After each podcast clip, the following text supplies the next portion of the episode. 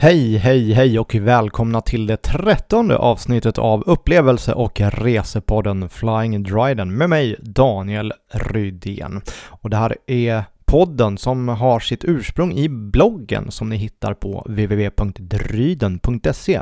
Och där är en upplevelse och reseblogg där det fullkomligt dräller av tips, inspiration, vackra bilder och annat kul för dig som gillar att resa och uppleva saker, oavsett om det gäller här hemma i Sverige eller på andra ställen ute i världen. På bloggen finns det även lite åsiktsmaskineri och träning och jag skriver bland annat om runstreaken som jag håller på med just nu. Jag har också en YouTube-kanal med reserapporter, främst kring tåg och flygresor och så Instagram då såklart. Eh, Dryden och Flying Dryden och där får ni lite tillskott i era flöden. Idag ska vi prata om Sverige i miniatyr, för det är så det kallas, landskapet bakom Vänern som folk antingen bara kör rakt igenom eller helt glömmer bort eller inte ens känner till. Antal gånger som folk har trott att Åmål ligger i Dalarna är ju oräkneliga och lika förvånad blir jag varje gång någon faktiskt känner till Riksrasta i Brålanda. Och ja, Brålanda är ju för mig ganska mycket extra bekant eftersom det är just därifrån jag från början kommer. På senare år när jag har fått möjligheten att turista runt i Dalsland, jag har ändå varit härifrån i 20 år och bott i Östersund, så har jag insett vilken jävla guldgruva det här landskapet faktiskt är. Det finns massor av fin natur som stora slätter, platåberg, sjöar med kanalsystem, vandringsleder och massa fina mysiga ställen som man kan bo på. Med det sagt så tycker jag att vi kastar oss ut i de dalsländska skogarna och upptäcker Sveriges kanske mest underskattade landskap. Det är dags att sätta Dalsland på kartan, så idag blir det ungefär 15, lite drygt tips inför er kommande sommarsemester. Så sätt er ner, andas lugnt och så drar vi in i miniatyr-Sverige.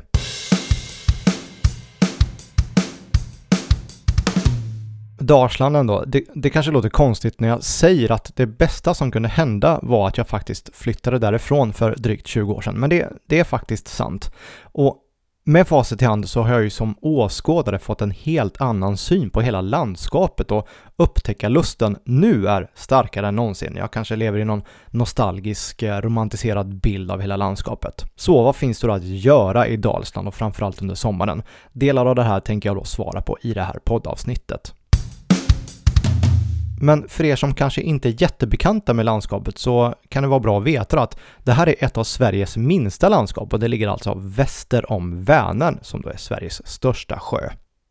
I norr gränsar det till Värmland, i väster har vi Norge och Bohuslän och så har vi Västergötland i söder. Största tätorten är Åmål som också är Dalslands enda stad. Och andra orter som kan klinga bekanta är Mellerud, Bengtsfors, Billingsfors, Dalsråst och Ed och naturligtvis Brålanda då. Dalsland har ett väldigt böljande landskap i norr med Baljåsen som högsta punkt och jag kommer till den lite senare och i de sydöstra delarna hittar vi Dalboslätten som breder ut sig med stora lantbruksområden. Då. Från Stockholm åker man enklast mot Karlstad och sen vidare söderut mot Göteborg och kommer ni till Göteborg så har ni då kört 10 mil för långt och det är inte så konstigt, det är lätt att missa. Från Malmö och Göteborg är det bara att köra E6 och E45 norrut och ta sikte på Karlstad. Och likadant där, når ni Karlstad, då har ni kört några mil för långt. Enkelt så. Och en annan sak som kan vara bra att veta om Dalsland. Det finns inte ett enda trafikljus i hela landskapet. Jag nämnde lite kort om böljande landskap och höga berg och så vidare. Bergen är ju inte jättehöga i Dalsland, men det finns gott om fina utsiktsplatser. En halv mil söder om Dalsrås dock, eh, lite väster om Mellerud, ligger fornborgen Borekulle. Nu är det inte så mycket kvar av själva borgen, däremot är utsikten helt enastående. Vi har eh, Örssjön i förgrunden och Dalboslätten på andra sidan vattnet och är det klart väder så skymtar man Vänern en dryg mil bort. Och bakom dig så breder Kroppefjälls milsvida skogar ut sig och man kan ju förstå att någon faktiskt valde att slå upp en borg här då för väldigt, väldigt massa år sedan. Enklast är att köra söderut från Dals Råstock. Efter 3 km så tar man av mot Åsmule och efter ytterligare knappt 2 km så följer man skyltningen mot Fornborg. 400 meter upp på den här vägen finns det en parkeringsficka och härifrån är det skyltat till Fornborgen och utsiktsplatsen och promenaden är ungefär 200 meter. Det finns ju faktiskt en klassiker i Dalsland som jag tror att många känner till men som kanske många inte har varit vid och det här kan bli lite som att slå in en öppen dörr, men det får vara så. För faktum är att Hovruds akvedukt förmodligen är den mest kända av alla saker som man kan göra och uppleva, upptäcka och titta på i Dalsland. Och må så vara att det är en riktig turistmagnet, men det genuina finns faktiskt kvar och framförallt nitarna i de här byggnationerna. Akvedukten är alltså en båtbro och det unika med Hovrud är att det här är både eh, en båtbro, en vägbro och en järnvägsbro på samma ställe och det är faktiskt unikt i Europa. Och nitarna då som jag pratade om precis i de här byggnationerna är faktiskt aldrig utbytta sedan det här invigdes 1868. Vill man lyxa till det så tar man såklart båtrutten över den här båtbron eh, men att bara vandra omkring i kvarteren och på broarna här är också det en upplevelse. Här finns både glashytta, utställningar och restauranger och så vidare. Väl värt ett besök. Åker man sedan norrut från Håverud så kör man in på den i motorcykelkretsar berömda vägen över Brudfjället. Den här vägen är kurvig, den är smal och jag kan verkligen förstå att MC-älskare tar sig hit. Och det går såklart alldeles utmärkt att köra med bil också, men se till att hålla hastigheten och eh, sådär, för det är väldigt mycket krön och så vidare. Och namnet kommer om en skröna, Brudfjällsvägen alltså, om att två brudpar möttes här uppe på eh, fjället och sonika överföll varandra och typ slog ihjäl varandra. Sanningshalten i det ska jag väl låta vara osagd. Sträckan är bara eh, en knapp mil, så åk här och njut skulle jag säga. Och kommer man söderifrån på Brudsfjällsvägen så kommer man till slut efter en mil ut vid sjön Råvarpen. Och här ligger Högsbyns hällristningsområde då, i Tisselskog. Och här satt då konstnärerna och ristade sina stenmålningar under bronsåldern och det finns en uppsjö av märkliga symboler. Totalt handlar det om drygt 2000 figurer på 50 hällar som har hittats här. I anslutning till hällarna finns det också en liten utställning och det är ett riktigt fint ställe att fika på eh, medan råvarpens vatten kluckar mot hällarna. Det finns också en liten promenadslinga på drygt 3 km som man kan gå och då hittar man också ett stenrös, en gammal gravplats längs sjön. Det är fantastiskt vackert här. Inte jättelångt från Tisselskog Alltså ingenting är långt från någonting i Dalsland, det är så litet. Eh, men i alla fall så hittar vi naturreservatet Sörknatten och här finns det gott om vandringsleder som man kan ta sig runt på. Och utsikterna är ju återigen här då fantastiska med över milsvida skogar och så vidare. Och här finns eh, faktiskt en liten inspelningsplats för en väldigt känd svensk film och serie. Jag gissar att ni har hört talas om Ronja Rövardotter, som jag också har gjort ett poddavsnitt på där jag nämner just Sörknatten. Och här stod då Mattisborgen. Och det finns fler Ronja-platser i Dalsland. I Sörknatten hittar vi också Helveteskapet och eh, grottan där Ronja och Birk eh, bor under en period. När man är i Dalsland så kommer man naturligtvis att se alla sjöar och kanalsystem som finns. Det finns hundratals av dem. Att hitta någon som hyr ut en kanot är med andra ord inga större problem. Jag har själv paddlat här och eh, då åkte jag upp till Silver Lake Camp norr om Bengtsfors och därifrån tog vi oss ut på vattnet som också då har förbindelse med Dalslands kanal. Nu var våra ambitioner den här gången just en dagstur och det kan räcka gott och väl om man aldrig har paddlat förut. Vi lyckades faktiskt hitta en liten brygga mitt ute i ingenstans och där eh, la vi till båtarna och eh, satte oss på bryggan och bara fikade och hade det gött en stund. Lugnt, tyst och stilla med de här omgivande skogarna. Och det här är verkligen ett perfekt sätt att uppleva Dalsland på. Dalsland som sagt, det är ett Sverige miniatyr. Vi har en jättelång kustlinje i eh, östsidan av landskapet ut mot Vänern som sträcker sig då från Vänersborg i söder, Vänersborg ligger ju förvisso i Västergötland, och hela vägen upp till värmländska gränsen och det finns faktiskt skärgård här också utanför Åmål. Längs den här kustlinjen så finns det massor av fina stränder. Längst norrut så hittar vi Örnäs camping i Åmål och stranden är inte särskilt stor men den är väldigt vackert belägen vid i Vänerskärgården. Strax utanför Mellerud hittar vi Vita Sannar och den är känd som en vacker camping och en väldigt lång och fin strand. Och det är bra läge mitt på kuststräckan vilket möjliggör fina dagsutflykter till närområdet och här finns också en stor camping som man kan bo på. En bit söderut har vi Sikal som ligger en mil öster om Brålanda och de har också en camping och själva badplatsen är känd för att vara väldigt långgrund. Ett par hundra meter ut faktiskt. Det är ibland känt nästan som att man skulle kunna vada hela vägen ner till Vänersborg ett par mil söderut. Den här stranden är väldigt populär bland lokalborna och i närheten finns också flera småstränder som är mindre kända som det går att göra avstickare till. Och strax norr om Vänersborg hittar vi Ursand och den nu för tiden enorma campingen. Och hela området här har exploaterats rejält de senaste åren, givetvis på gott och ont. I vilket fall, stranden är vacker och den är väldigt badvänlig, det är en fin sandstrand, även om viken gör att vattnet är ganska kallt. Som sagt, området har exploaterats ordentligt de senaste tio åren och skärmen har till stor del försvunnit tyvärr.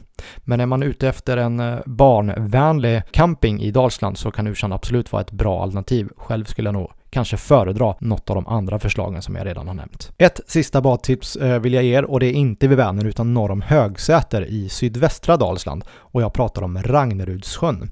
Och de har både en lång grundstrand och ett hopptorn med mera.